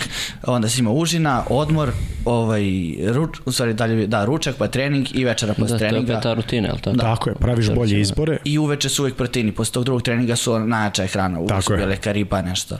Tati najviše treba ugljenih hidrata da. i proteini. Ne, to. Da. Da, ta rutina je isto, isto ja sam bio u Americi, tamo sam igrao košarku i ovaj, ista priča, imali smo uvijek, tipa znali smo svaki dan, u šest je to, u četiri je to i ta rutina, čovjek se strašno posle toga osjeća, bukvalno to je. I navikne se i ljud, da. to ljudima treba pričati, znači izdržite mesec dana, napravite neku rutinu, znajte kad jedete i šta jedete i posle tih mesec dana vi više nećete moći, morate da razmišljate o tome. Da. Znači to ne, nećete više, e, neće vam mozak toliko tražiti šećer, neće vam toliko tražiti neko pecivo, neku picu i tako dalje, samo zato što ste mesec dana bili disciplinovani. Garantujem vam, probajte. Jeste da je teško i možeš ti da jedan, dva, tri obroka u toku nedelje da budeš šta god ti parne pod ruku, ali dok ti 80% stvari radiš kako treba, organizam će ti biti zahvalan. Da. A ovaj, vezano za evo, mi sad e, pričamo i sjedimo i ljudi koji rade, koji uče non stop učite oni slično, po čitav dan 8 do 10, 12 sati su u sjedećem položaju. Ovaj, koja je ovako, to je neka, neki savjet, preporuka za ljude Imam koji... dobar savjet, promenite položaj na svaki 90 minuta, rekli smo ono mm -hmm. kao odmor od... I to je dobar položaj koji se pokazao, je duboki čučanj Znaš, ono kad vidiš čovjeka, to sam ja da viđao u Vijetnamu, ne znam ko je bio na istoku, tamo ono pričaju mo, s mobilnim u, da, u dubokom čučnju. Da. One, da. da, da, da, da. Taj duboki čučanj, on uh, iz te isteže lumal deo leđa koji mi jako opterećujemo kad sedimo. Sentarni položaj je najgori položaj za čoveka. Opterećenje na L3, L4, atrofija gluteusa, bicepsa femorisa, to je zadnje lože, skraćuju se fleksori kuka, slabi nam kor mišići, trbušni zid, dubinski, površinski i mi imamo mnogo već povred, šansu da se povredimo u toku bilo kakve fizičke aktivnosti i imamo mnogo veću šansu od lombalnog bolnog sindroma koji je zahvata 80% svetske populacije i kad tad će nekog da zabole leđa. Pogotovo ko se bavi nekim poslom koji je sedeći. No. Da. Tako da posle 90 minuta promenite položaj, provedite 2 minuta u dubokom čučnju, prošetajte malo, pa se vratite. Vi kad sedite 8 sati, vaša cirkulacija je jako ugrožena. Sedimo na, na, na arterijama koje dovode krvu u srce, koje dovode krvu u mozak, nećete biti toliko budni, sve ćete biti pospaniji, taj položaj ne odgovara vašoj kičmi, koja je destabilizovana skroz posle toga dobro bi bilo da, da ovaj prošetamo malo, da, da uradimo par nekih vežbica koji će nam ispraviti kičmu, da ne budemo u kifozi. Kifoza je kad smo nagnuti mm -hmm. napred, ako ste videli onaj položaj upitnika, ono vrat izbačen grba na leđima, da. to je od, ovaj, dosta često od eh, hroničnog sede, sedećeg položaja. I ako sam da primetim, sve više dece uh, viđam, sad nisam ja nešto mator, ali mm -hmm. sve više dece viđam koji imaju taj problem, nose naočare i dosta, svi su grbavi manje više, ne, ne svi, ali pa dosta svi idemo za mobilnim telefonima, Da, znaš, da. koji stoje dole i samim tim vrat se pomera napred, je 1 cm vrat kad se iz ose pomeri, mm -hmm. kičma stari 10 godina uh, brže. To je neverovatno. Upravo to. Znači mi svi, bukvalno i ja i vas dvoje, i svi trebamo da jačamo mišiće vrata vežbom koja stavlja vrat unazad. Da. Samo ovo kad uradiš i držiš 5, 10 sekundi, odmah ti je neprijatno. Aktivirao si mišiće vrata. Aktivirani mišići vrata ti drži vrat u, u osi kičme. Čim ti vrat ide napred, a to se stalno dešava sada, to, su, to su ti upitnici da. što srećeš na ulici. Znači, svi bi trebali da vežbaju mišiće vrata koji je vežba koja ide nazad. Znači, dve vežbe, znači on fleksija vrata i hiperekstenzija. Da. Tako da, ovaj, to su... mi pažnje. Da, da, Ti da. pričaš on... Da, da, da, da, vežba, on vežba. Znaš, to nam treba, nam- treba nam ta postura uh, ovaj, nakon sedenja, znači da se jačaju ti mišići zadnjeg ramena, lopatica koje drži, r- rame koje drži nazad. Mm -hmm. Znaš, tako da to je, su te vežbe protiv uh, te čuvene kifoze, treba nam vežba za lumbalni deo leđa, to je da ojačamo kor mišića. Ako sedimo 8 sati, oslabljeni su nam mišići trupa koje, koji su nam jako bitni za prenos uh, sila ekstremiteta, znači šta god da radimo, da li igramo rekreativno basket, da li dižemo tegove ili tako dalje. Ako nemamo jak kor, imamo veliku mogućnost da se povredimo, ne daj Bože malo ozbiljnije, u smislu kičme, disk neki ili Da. to je, jako su teške ovaj povrede koje zahtevaju nekad i operaciju i nagledao sam se toga dosta često. Znaš, to je ono čovjek koji od 8 sati sad student uči ili, ili neki ovaj kancelarijski čovjek i ode u teretanu i sad hoće da trči odmah ili da diže ovaj, neko, neki o, mrtvo dizanje ili Da. čučanje i tako dalje i, i, i najstrašnije se po, a, povredi. Znaš, tako da prvo ide aktivacija tog ovaj, kor mišića kroz neki plank položaj ili tako dalje gde mi imamo tu izometrijsku kontrakciju koja aktivira dubinsku muskulaturu, koja je sporo trzajuća, ovaj, sporo, sp, dominantna sporo trzajućim mišićnim vlaknima, zbog toga se radi izdržaj i onda možemo da, da radimo neke vežbe. Tako da, eto, Da, zbog toga i postoje sad po svijetu onaj kao standing office, kao ljudi stoje bukvalno onaj sto u visini, tipa ne znam. Barski. Da, i Da. stoje, rade, kreću se kroz kancelariju non stop, imaju te neke... To je apsolutno ima smisla. Je, generalno kad stojimo, budniji smo, kad gledamo gore, ako ste uspavani, isto smo budniji. Kada stavimo uh, laptop ili uh, monitor da je u visini Visini očiju, da, da, ne moramo. mnogo smo budniji. Znači nama, kada gledamo dole, mozak nam govori, to jest ono, da, da je vreme za, za, za neko spavanje, po, po, uspavani smo. Uh -huh. Nemamo nivo budnosti, smanjujemo nivo budnosti. Kad se nagnemo unazad, smanjujemo nivo budnosti. Znači, nagni se unapred i gledaj ekran koji je u visini očiju. Očiju. Ti je jako dobra strategija da budeš više budan. Da. Promeni položaj posle 90 minuta, prošetaj, uđi u duboki čučanj, otvori malo periferni vid kao što smo rekli, znači gledaj dve u najdaljene tačke, jer ti kad radiš u računaru ili kad gledaš u knjigu si u uskom fokusu konstantno.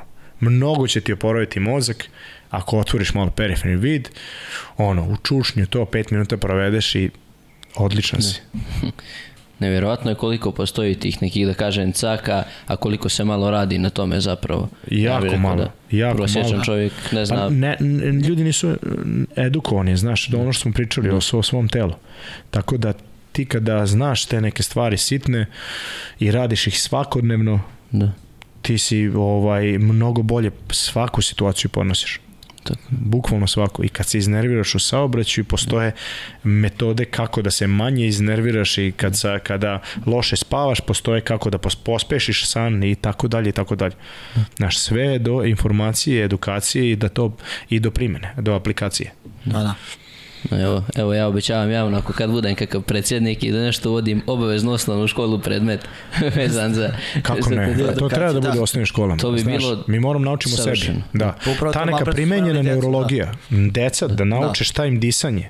Šta je hiperventilacija, da ih, da ih čini budnim, šta je uh, neki physiological side, da je duplo duži izdah, da ih uvodi u parasimpatički centralni nervni sistem, to jest odmor, digestije ili tako dalje, ili kad hoće da smanje stres. Par, znači to je neverovatno koliko mi možemo samo kroz disanje da promenimo naš centralni nervni sistem. Da li smo uzbuđeni ili da li smo, da li smo u, u odmoru, u tom modu. Mm -hmm. I ti kada znaš to, kad se iznerviraš ili kad ti dođe neka anksioznost ili kad ti dođe neka trema od ispita mm. ili od podcasta ili od bilo čega, zatvoriš oči, dišeš par puta na način koji te deaktivira, koji te izvodi iz adrenalinskog i kortizolskog tog šoka koji se dešava kad je neka trema ili anksioznost, to se kroz disanje rešava za 5 minuta. U, u 90% slučajeva. A ljudi ne znaju to. Znaš, ili ako si pospan, ti možeš da zatvoriš levu nozdrvu, dišeš na, na, na desnu, sa, sa jakim udisajima i da probudiš svoj mozak, da pro, poboljšaš fokus, nenormalno. Da. Ako hoćeš da se i, i, da uspavaš, zatvoriš desnu nozdrvu, dišeš kroz levu polako i uspavaćeš se. Znači, ima jako puno tih ovaj, caka koji su naučno pokrivene. Da. Da, ovo mi je sad neverovatno baš za, da. za nozdrav. Da, da, da. Je stvarno, koliko bi ja mislim mi kao kao ljudi, kao svi da, zajedno koliko bi, kao društvo koliko bi napredovali kad bi ljudi zapravo primenjivali Kako sve ne? metode koje smo samo mi naveli danas u emisiji, a ne još koliko ih postoji i koliko ih vi sigurno znate. To je nevjerovatno. Ljudi da, da u, u, uvedu taj uh, NSDR. NSDR je Non-Sleep Deep Rest protokol. Mm -hmm. To je jedan čuveni sad naučnik koji je na YouTube-u. Svi ga ono pratite. Andrew Huberman se zove, ima podcast Huberman Lab podcast, da. najpopularniji podcast naučni na svetu. Ima gomilu informacija tamo, on priča o tom protokolu koji je 10 do 15 minuta dnevno e, blizu sna, znači blizu frekvencije, delta frekvencija gde je mozak spava, znači odmaraš mozak 15 minuta. Pustiš yoga nidra na, na YouTube-u, tako se zove, i on te, glas te provodi uh, u uski fokus, znači skenira ti telo, ono, fokusiraj se na prst ovaj, onaj, na ovaj deo tela i tako dalje. Usmeravanjem našeg fokusa mi postižemo neverovatne benefite da kasnije možemo da učimo i tako dalje. Onda ide iza toga frekvencija koja nas uvode u te teta moždane talase, ispušta nam frekvenciju naših moždanih talasa, koje je u tokom dana u visokoj beti, koje je stres, boje, zvukovi, razgovor i tako dalje. Znači od, od, odmara nam mozak i koje nam govori kako da dišemo. Osvešćuje nam dis, disanje. Takođe nam uh, deaktivira vizualni stimulus, znači zatvorimo oči. Znači, mi kad dišemo na stomak, a ne iz trapeze, iz pluća, što je glavni problem 21. veka kod disanja, nego ako ste bili bebe, samo im se stomak samo da. Znači, stavite ruku na stomak, dišite samo na nos, pomerajući stomak gore pri udahu i pomerajući dole pri izdahu. I uradite to par puta da je izdah duplo duži od udaha. Probajte to sada, kada gledate, samo da vidite kako ćete se osjećati posle minut, ne posle pola sata, nego posle minut. Koliko će vam nivo stresa opasti dole. To je taj takozvani parasimpatički dominantni centralni nervni sistem. To mi imamo dva moda, borbeni mod i odmor mod. Naš sa disanjem koje je duplo duži izdah, mi ulazimo u odmor mod. Van stresa, van adrenalina, van kortizola, tu smo ono digestija, san, oporavak, odmor. Imamo stres mod, borbeni mod, flight or fight. Da. To je, ako hoćemo to da pokrenemo, imamo hiperventilaciju, Wim Hof disanje ili hladan tuš ili trening ili tako dalje. I mi sa par udisaja koji će biti izuzetno jaki, isto na nos, sa, mal, sa, sa blagim izdisajima, ali naglasak na udisaje par puta mi možemo da neverovatno izovem lučenja adrenalina, kortizola i da se uvedemo u borbeni mod, da se 300% cirkulacija krene. Telo budniji smo, prednji režanj aktiviran, spreman sam za akciju, spreman sam da se borim sa, sa tigrom ako me napane, za to, smo, za to i da. služi taj mod. I spre, ili sam spreman da bežim. Flight or fight. Da. Znaš, znači, da. samo kroz disanje. Ako si pospavan, može kroz hiperventilaciju se probudiš, budem spreman za ovaj podcast, sat vremena da mozak radi 100 na sat, A ako imam tremu, anksioznost, preveliki adrenalin, to mi može smetati kroz fokus. Ja mogu kroz disanje koje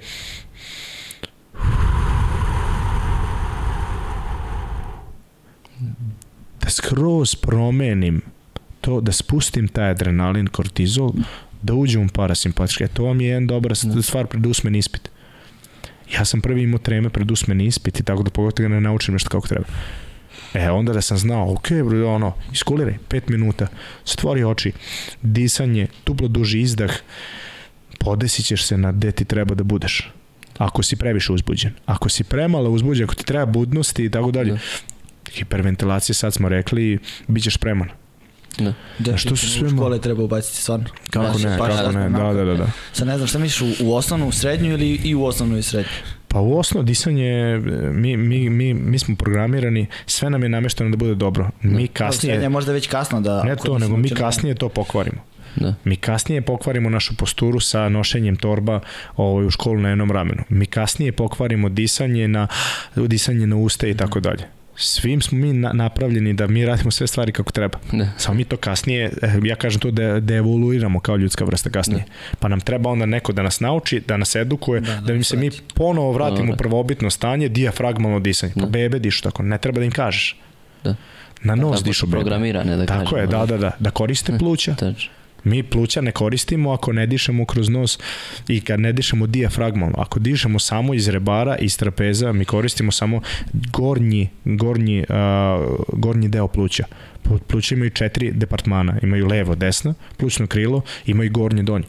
Znači donje m, 16 puta je veći kapacitet oksigena, oksigenacije kiselnika kad dišemo na stomak. Zašto koristimo i taj donji deo pluća. Ako mi samo dišemo pod stres modom, ceo dan, mi koristimo samo gornje pluća, aktiviramo taj adrenalin, uvodimo se u konstantan stres, taj konstantan stres nije dobar kad je konstantan. Dobar je kad je kontrolisan. Znači ja ću kontrolisano da uđem da se tuširam 3 minuta hladnom vodom. Biće mi jako velik stres. Ali kontrolisan je zašto sam ga ja izabrao, ja treniram organizam da postane rezilijentan na taj stres. To jest da se adaptira. Kad se adaptiran, ja sam super junak. Isto tako koristim i saunu. Isto tako koristim i trening. Isto tako koristim i misli. Znači ja stres volim jako i priželjkujem ga kad ga ja napravim svesno. Da.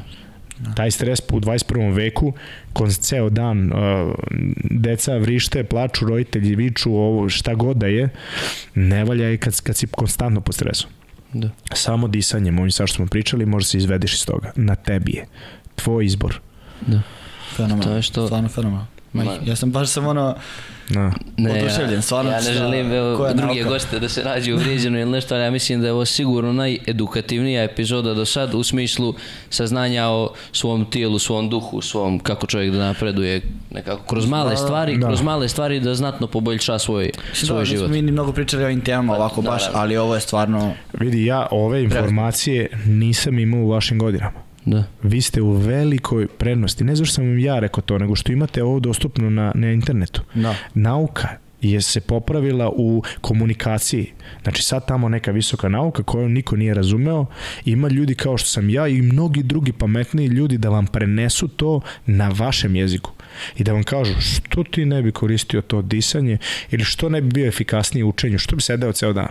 Uči 90 minuta, ali ću ti reći kako i kako ćeš zapamtiti bolje. Adrenalin, tamo dobar san, super. Mislim, ja te stvari nisam imao i zbog toga ljudi koji ovo saznaju sa 18 godina i krenu da praktikuju rutine, ujutru ustaneš, ne gledaš telefon, nego izađeš na terasu, hladan tuš, zapišeš dnevnik, šta ćeš, napraviš plan dana, napraviš plan obroka, kreneš u taj dan. To radiš 10 godina i to ti promeni život Bićeš mnogo, ja vam garantujem, sretniji, uspešniji, sve ćeš biti više nego tvoji ortaci koji to ne rade. Da. To vam garantujem.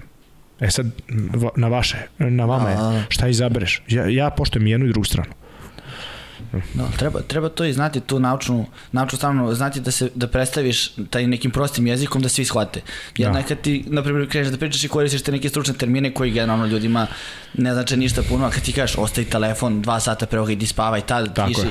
mnogo je, to, stvarno, i to treba Pa to se trudim, znaš, ja, ja ulazim u te mehanizme, ali kad pričam o tome, ja vam i objasnim šta to znači. Je Tako, upravo to. Znaš, to je, to Tako je, da mislim da je to ovaj o, ono prava stvar je da na svom primeru pokažeš dosta toga ovaj što ljudski organizam može Znači, na- sa tvojim načinom života, naravno da moraš da balansiraš, da bi ostao mentalno zdravstvo, ima neke uh, ventile, ali 80% stvari ako dobro radiš, ti si odličan.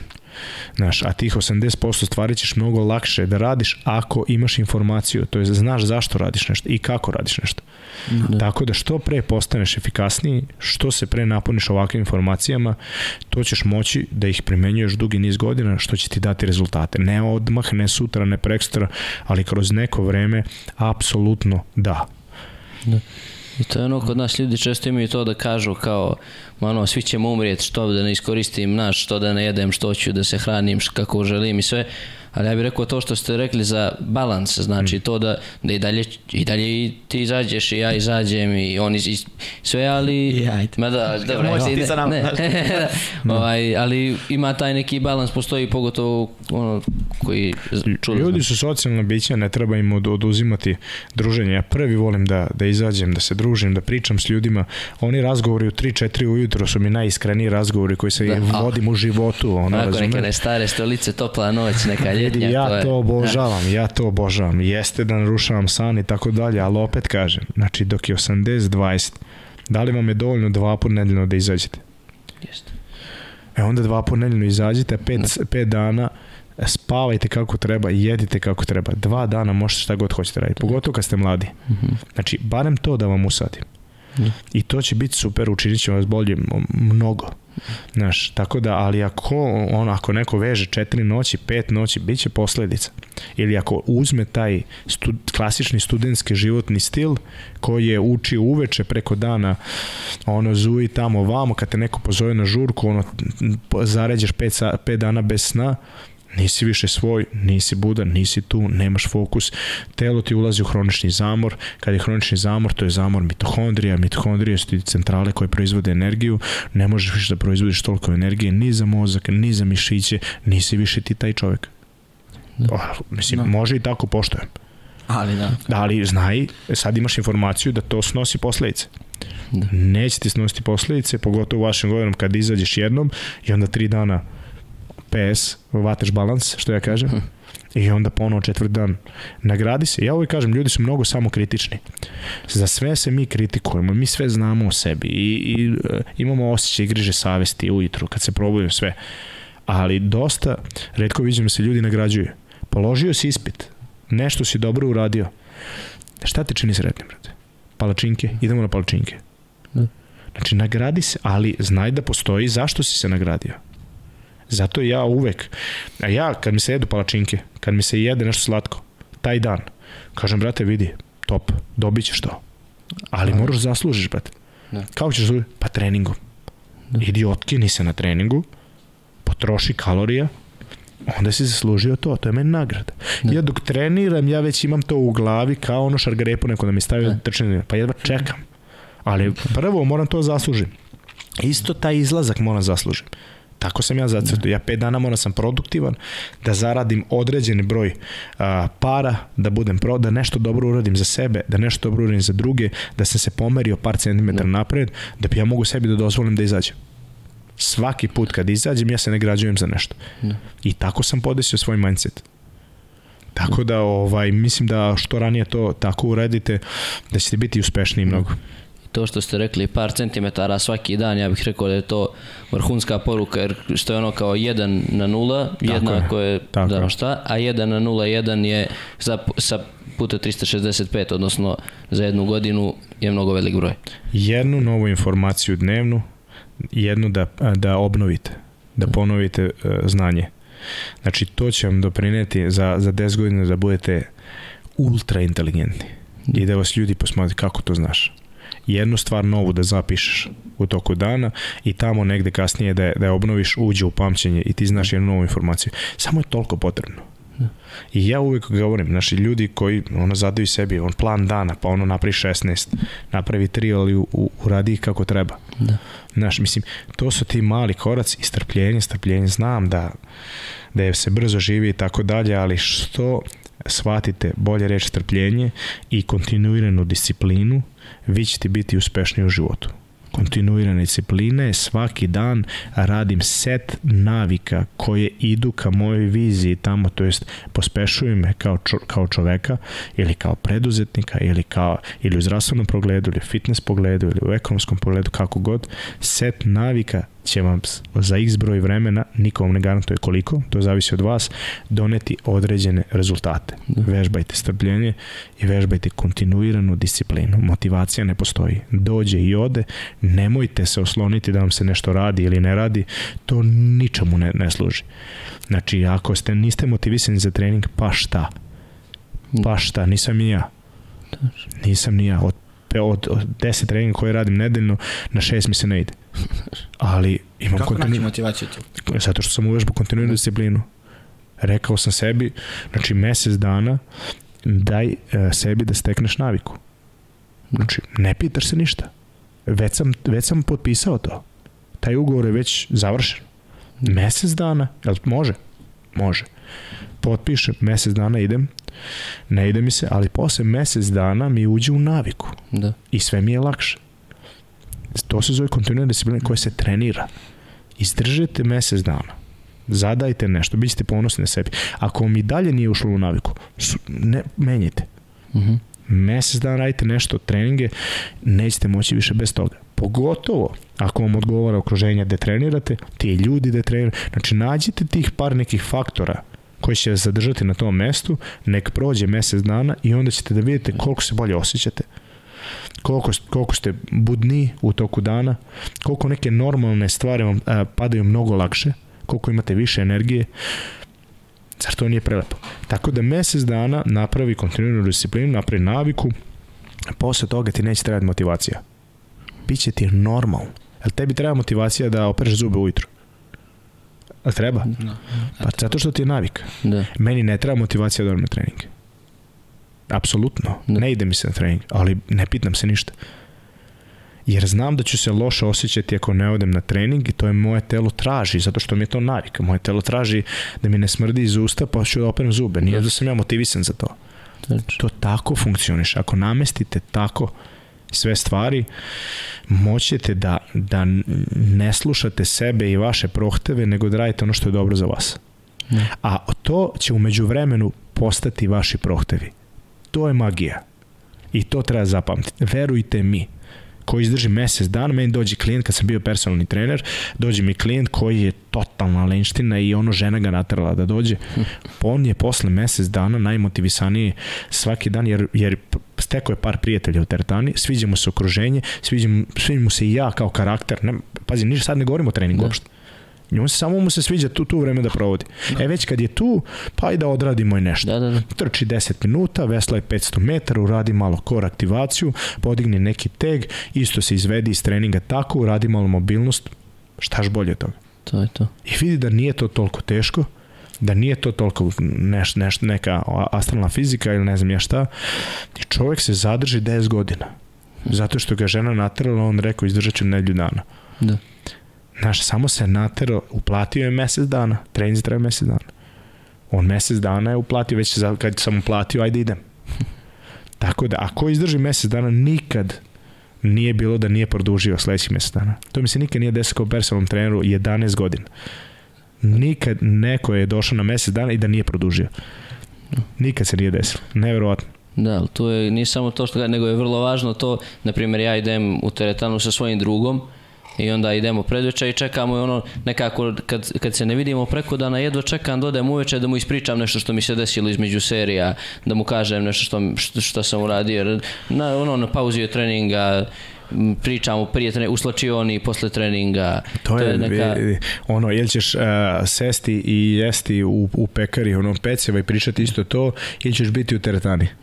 Znaš, ti biraš, mislim, ovaj, taj socijalni moment je jako bitan, zato ja uvek kažem ljudima koji nisu motivisani da idu u teretanu, ne vežba im se, tako dalje, možda niste samo našli pravo okruženje Zovite prijatelje, uzmite trenera, nađite pravu teretanu, da vam odgovara neke stvari van treninga. Trening će doći.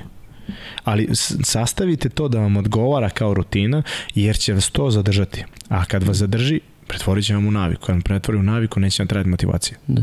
Isto bih stvar rekao i za čitaonu, na primjer, isto također na svom primjeru, najbolje mi je bilo ove godine kad sam išao, išao sam sa svojim društvom, koje sam upoznao između ostalog u čitaoni i onda na svakoj pauzi učiš, učiš i kao nagradu čekaš da izađeš na pauzu, da popijete kafu i da pričate. I bukvalno sve vrijeme mi je bilo kao, kao izlasci, kao da, kao da ono, izlazim, prodim vrijeme s društvom, a zapravo učim sve vreme pokušavam da se setim, predavao sam u MTS areni ovde kod vas u Beogradu, bio neki ono kao TED Talk format razgovora ovaj, i, i pojavi se jedan čovjek, sad mi je ne mogu se setim jer toliko važan za, za naučnu istoriju Srbije, on je živeo u Nemačkoj i tako dalje, on je pričao svoj put i to mi je bilo jako zanimljivo i sad seti ovoga što si ti rekao.